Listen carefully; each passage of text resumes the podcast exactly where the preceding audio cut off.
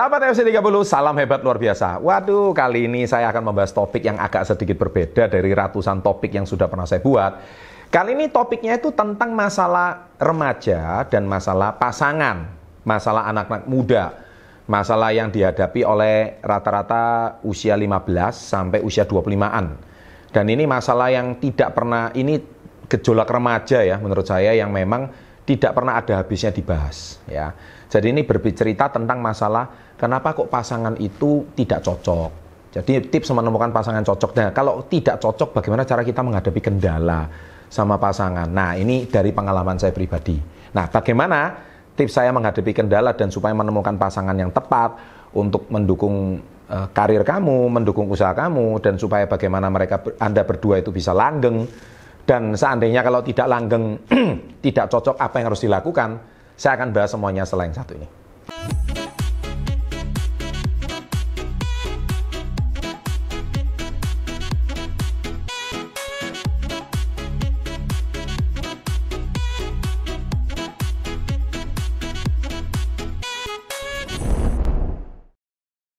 Jadi, saya sengaja mau membuat video kali ini, ini karena kebetulan saya punya banyak murid yang selalu bertanya masalah yang serupa. Ini kalau saya sebut namanya masalah asmara ya, masalah asmara dengan pasangannya. Pak, kenapa kok begini? Kenapa pasanganku kok begini? Bagaimana kok pasanganku seperti ini?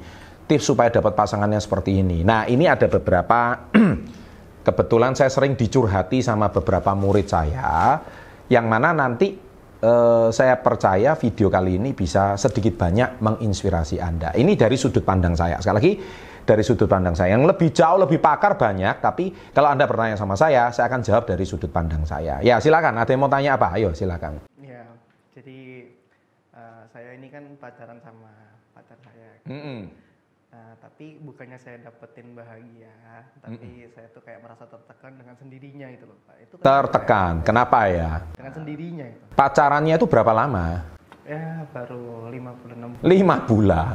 Jadi setiap hari itu tertekan. Sejak hari pertama udah tertekan. 80% tertekan, oh. bahagia. Loh kenapa kok bisa tertekan? Ya. Dari hari pertama itu? Sebenarnya dari hari pertama itu sih Pak. Oh, langsung tertekan. Jadi kamu tertekannya itu takut kehilangan dia atau? Uh, bukan, karena pada saat waktu itu uh. saya itu kan sebenarnya nggak nggak apa belum siap pacaran karena saya masih belum tahu sifatnya gimana. Iya iya iya. Namun itu udah kayak ngupet status itu. Akhirnya saya. Oh. Dan berjalan sampai lima bulan, bukannya saya dapetin bahagia tapi rata-rata tertekan. Malah tertekan. Oh, jadi kayaknya anak zaman sekarang itu sangat butuh status gitu ya, kayaknya ya. Jadi status itu mungkin kalau status Facebooknya atau status IG-nya, wah saya sudah resmi punya pasangan ini gitu. Terus kalau ngucapin selamat Natal dan Tahun Baru atau selamat Idul Fitri sudah sama gebetannya, uh jadi kelihatannya keren supaya nggak diolok-olokin jomblo gitu ya.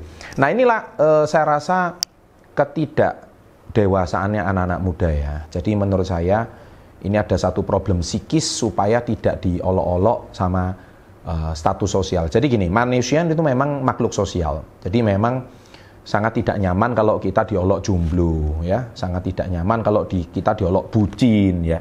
Itu memang jokes-jokes yang uh, yang sangat populer zaman sekarang. Nah, saran saya sih tips pacaran yang baik. Namanya juga pacaran ya. Pacaran itu kan proses saling mengenal satu sama lain. Tidak bisa kita memaksakan dia harus jadi pasanganku suatu hari nggak bisa. Nah, jadi tips saya, kalau misalkan Anda menghadapi hal seperti ini, nomor satu, tips pacaran yang sehat itu seperti sama seperti saya berikan di konten SW30, yaitu apa? Saling memberi, saling mendukung. nah, itu pacaran yang sehat. Bukan saling menuntut. Ya, saya ulangi ya, saling memberi, saling mendukung, bukan saling menuntut. Nah, kalau Anda tertekan tadi, ini anggap aja si X ya, yang konsultasi sama saya sih. namanya saya samarkan, si X. Jadi, dia ini tertekan. Sejak hari pertama dia udah tertekan. Nah ini ciri-ciri pacaran yang tidak sehat. Nah apalagi tambah hari tambah tertekan gitu ya. Semakin hari semakin tertekan. Jadi kalau malam nggak ngucapin I love you gitu diomelin gitu ya. Nah betul ya kan. malam kalau nggak telepon gitu langsung diomelin gitu ya. Nah ini kayak pacaran mana SD aja kayaknya ya kan. Nah menurut saya eh, saya yakin ya ini juga dihinggapi para remaja. Kalau Anda menghadapi hal seperti ini, Ya, tips saya satu, toh namanya juga masih pacaran. Pacaran tidak harus jadi uh, apa status itu nomor dua ya. Jadi ketidakdewasaan anak-anak muda jam. Buat apa Anda punya status tapi suatu hari harus saling menderita? Ya, lebih baik eh, kita secara bijak kalau memang pacaran itu tidak cocok, ya harus dihentikan. Gitu loh. Lebih baik berteman dan bersahabat. Karena pacaran yang baik itu justru saling saling kangen ya, istilahnya saling rindu. Bukan saling tertekan. Ketemu oh jadi takut, ketemu jadi stres. Mukanya bete. Nah, itu udah ciri-ciri yang tidak sehat. Menurut saya seperti itu. Nah, jadi ciri-ciri yang sehat itu kita saling membutuhkan. Misalkan yang cowok e, lagi sibuk bekerja begini, yang wanitanya support. Butuh bantuan apa? Mas butuh bantuan apa? Kak butuh bantuan apa? Oh, saya bisa bantu selesaikan. Nah, itu namanya saling mendukung, saling giving. Begitu juga yang wanita. Mungkin yang wanita e, nggak punya kendaraan. Ayo saya jemput. Itu ya kan? Nah saya jemput. Nah itu saling giving saling perhatian. Bukannya kita ketemu itu tambah stres. Nggak seperti itu ya. Jadi saya rasa kalau pacaran yang sehat itu seperti itu. Oke kira-kira kendala apa lagi? Apa lagi? Ya uh, gimana kita tahu kalau pasangan kita itu apa ternyata nggak buat kita sama gimana kita tahu kalau pasangan itu pas buat kita Gimana kita bisa tahu kalau pasangan itu pas buat kita? Ini pertanyaan yang menurut saya itu jawabannya itu sederhana, tapi tidak mudah. Kenapa saya katakan? Jawabannya sederhana yaitu if you never try, you never know. kamu hari ini tahu nggak makanan itu cocok di lidahmu atau tidak kalau kamu nggak coba? Ngerti maksud saya? Ya. Jadi artinya ya bukan berarti kamu nyobai pasanganmu ya, bukan. Tapi dicoba itu dalam arti, yuk kita jalan bareng yuk. Namanya anak muda ya kan, kita jalan bareng, kita cocok nggak? Ya, cocok, jokesnya cocok nggak? Ngobrol itu bisa dua jam itu bahannya ada aja. Iya kan? Bukan ngomong lima menit habis itu bingung. Tengnot, tengnot, kita mau ngomong apa gitu. Nah itu kan berarti tipikal kita nggak nyambung sama pasangan kita. Dan pasangan kita nggak nyambung. Kita lagi ngomongin anjing, dia ngomongin kucing. Lo nggak cocok. Kita ngomongin luar negeri, dia ngomongin kuliner. Lo kan nggak nyambung. Kita lagi ngomong masalah kita, dia lagi ngomong masalah orang tuanya. Lah ini kan nggak nyambung. Nah, ciri-ciri nyambung itu adalah saling mendengar. Topiknya ada aja. Ya kan, saling mengisi. Nah, itu ciri-ciri yang cocok. Dia tidak harus cantik, tidak harus ganteng, tidak harus kaya, tidak harus keren. Ya kalau cantik, ganteng, kaya, keren itu bonus. iya kan? Tapi yang penting kan nyambung. Iya kan? Nyambung. Nah, ketika nyambung, bonusnya kaya, bonusnya keren.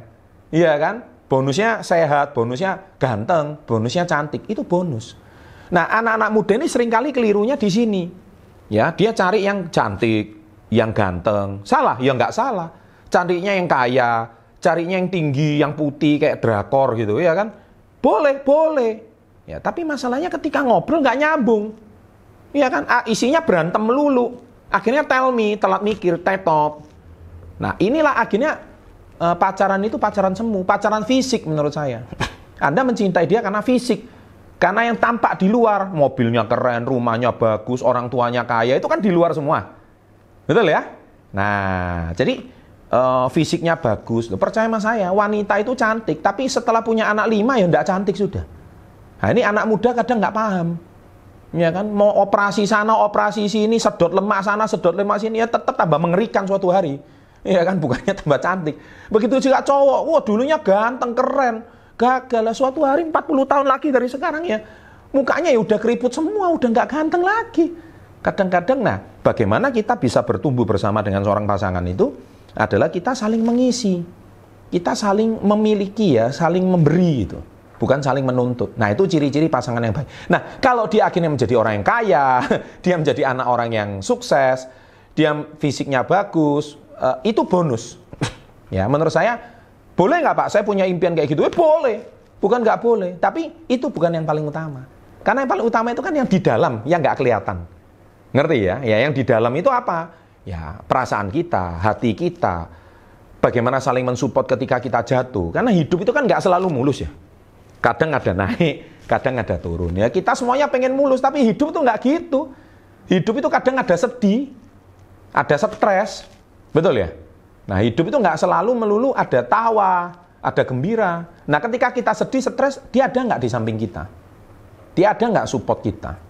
Atau dia malah bersenang-senang dengan orang lain? Nah, itulah menurut saya ciri-ciri yang cocok sih. Nah, ayo, ada apa lagi? Nanya. Eh, selama pengalaman bapak apa, ber, berhubungan, Hmm. eh, ada nggak kayak ter- ternyata dia tuh apa ada ketidaksempurnaan di bagian sini gitu? Iya. pasangan berpasangan. Atau semuanya ternyata kayak mulus gitu? Atau ternyata ada yang nggak yang nggak mulus gitu dari pengalaman? Duh, kalau namanya tujuannya pacaran itu apa? Pengenalan kan? Sama mobil aja ada test drive kok. Loh iya kan? Kalau nggak cocok, ya nggak usah dibeli. Sama kan? Lah pacaran itu tujuannya apa? Sebelum kita melangsungkan ke sebuah pernikahan, ya kan? Nah itu kan ada namanya persiapan. Saya sering bilang persiapan itu penting. Nah anak-anak muda ini kadang persiapan nggak punya. Ya, maunya langsung tancap gas saja. Nggak bisa begitu. Nah, persiapan itu untuk kematangan apa? Kematangan mental. Makanya ada istilah pernikahan dini. Kan? Nah, buat apa kok kita menyesal pernikahan dini? Saya selalu bilang ya, ini camkan baik-baik anak-anak muda. Mantan istri itu ada. Mantan suami ada. Yang nggak ada itu mantan anak. Ya, makanya pernikahan dini itu sudah menghasilkan buah, sudah menghasilkan anak. Dan akhirnya nggak ada itu namanya mantan anak. Ya kan? Mantan orang tua itu nggak ada. Yang ada orang tua kandung kan atau orang tua asuh kan gitu ceritanya ya ada diasuh sama siapa kan nah orang tua kandung kita nggak akan pernah bisa berubah karena kita ini darah biologisnya orang tua kandung kita. Nah, ketidaksempurnaannya anak-anak muda itu kan di sini sering kali. Memaksakan segala sesuatu itu pikirnya oh pacaran itu seindah di drama Korea gitu. Ngerti ya? Waduh minta cowok yang romantis gitu ya badannya wangi. Lah eh, kerjanya kerjaan buruh lah mau wangi gimana gitu loh? Ya kan? Akhirnya si wanita ini menghayal terus gitu loh nah si pria juga sama. Wah pengennya yang cantik seperti kayak di drama Korea juga. Ya, tapi dia juga menghayal. Loh pak boleh nggak pak buat impian? Ya boleh. Tapi ya sa- sama-sama cek diri masing-masing lah. Ya kan? Lah kamu sendiri sudah layak nggak? Gitu loh dapat pasangan yang seperti itu. Tapi sekali lagi itu yang di luar. Tapi yang paling penting kita yang di dalam.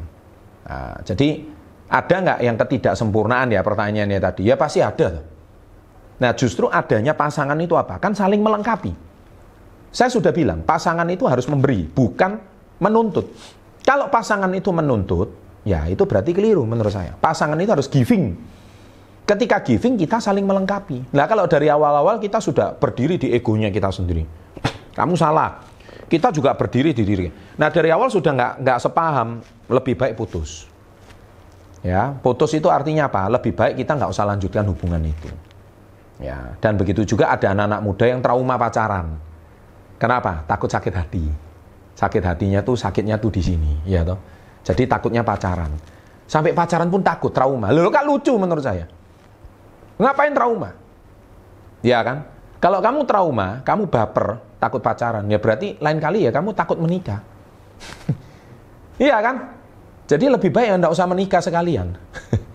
nah lucunya menikah dituntut oleh negara, dituntut oleh keluarga, dituntut oleh agama. Wah ini sudah, ini Indonesia banget ini. Indonesia itu kan menikah itu karena tuntutan agama, tuntutan keluarga.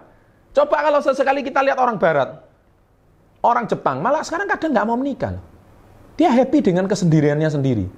I'm happy, duit-duitku sendiri. Gitu. Tambah pacaran raktir terus gitu ya kan. Duit habis terus, gajian habis terus gitu. Akhirnya sampai tengah bulan mau pinjam sama siapa gitu. Nah, ini kan banyak anak-anak muda ini kelirunya di sini. Nah, jadi apakah Pak? Nah, berarti setelah dengar gini sebaiknya gimana dong Pak? Apakah saya harus menikah? Lah kalau Anda menikah karena terpaksa? Nah, ini ada cerita lucu. Saya pernah dicurhati anak muda. Kenapa kamu menikah? Saya tanya, apa tujuan kamu menikah? Ya soalnya ini Pak, adik saya mau menikah Pak. Lo kan lucu menurut saya. Ayo, Indonesia banget gak ini? Adik saya mau menikah. Jadi daripada saya kedahuluan adik saya, ya kakaknya harus menikah duluan.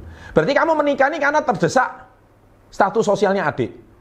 Nah, terus besok kamu cari aja wanita di pinggir jalan itu langsung, eh kan gelem gak jadi bojoku. Mau nggak langsung jadi istriku gitu. Ya enggak begitulah. Nah, ini kekeliruan pasangan yang pertama. Kedua, ya kan? Nah, ini Indonesia banget ini. Kenapa kok mau menikah? Iya kan? Ya karena disuruh ibu, Pak. Ibu malu soalnya. Anaknya perawan tua. Sudah umur 27 kok belum menikah. Loh, lah iya, saya kebanyakan pilih-pilih katanya. Gini ya. Menikah itu ujung-ujungnya cuma satu. Apu, apakah kamu siap atau tidak? Kalau nggak siap, jangan dipaksakan. Paham ya maksud saya? Jadi, anak muda itu sering kali, loh tapi saya belum siap pak. Lah siapnya kapan? Nah iya, yang tahu jawabannya siap atau tidak adalah kamu dan pasanganmu. Gitu loh.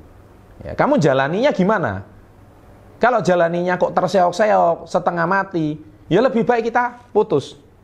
Terus kita cari pasangan yang baru. Kan gitu ceritanya. Wah saya nggak mau pacaran sama orang ini antik. Gak ada ceritanya orang antik itu. Iya kan? Kalau museum, kalau museum barang antik banyak itu di museum. Justru manusia antik ketemu sama orang antik, ketemulah dua orang ini saling melengkapi. Double antik kan gitu ceritanya. Iya kan? Waduh, saya ketemu pasangan ini keras kepala. Lu nggak apa-apa. Keras kepala itu ada bagusnya. Kalau dia nggak orang keras kepala itu sering kali punya prinsip. Menurut saya, saya tetap ada sisi positifnya, ada prinsipnya. Nah, mungkin prinsip dia selama ini tidak sejalan, ya kan? Nah, kalau prinsipnya bisa sejalan, keras kepala itu bagus. Justru saya lebih suka orang keras kepala daripada orang yang nggak punya prinsip. Duh, kalau nggak punya prinsip, kamu sama ini iya ya, oke. Kamu sama ini iya, iya, le mati lah. Kalau kayak gini ceritanya kan besok-besok bahaya dong. Orang nggak punya prinsip. Ya paham ya? Nah, itu kurang lebih ketidaksempurnaannya seperti itu. Ayo mau tanya apa lagi? Sudah cukup sih Pak. Itu yang uh, selama ini yang saya alamin. Hmm. Dan terima kasih udah dijawab. Nah ini ini sisi pertanyaan seorang cowok ya. Jadi silakan komen di menit keberapa kata-kata saya yang menurut anda itu paling pas dan paling sesuai ya. Dan tolong mention pasanganmu. Kalau pasanganmu nggak bisa dinasehati, cuma dua jalan. Share video ini biar Pak Chandra yang nasihati, atau kedua, misalkan Anda share video ini pacaranmu, pacarmu tambah tersinggung, tambah nggak mau dengar, ya saatnya kamu dan pasanganmu harus putus. Tidak usah dilanjutkan. Daripada hubungan itu ke depannya semakin tidak sehat dan justru malah uh, terjadi hal-hal yang diinginkan dan terjadi hal-hal yang tidak diinginkan. ya kan? Saya rasa seperti itu ya. Saya mungkin cukup ya. Ini sesi sharing curhat di sini dan semoga sesi curhat ini bermanfaat untuk Anda. Tolong tulis di menit keberapa yang paling berkesan sama Anda. Sukses selalu dan salam hebat luar biasa.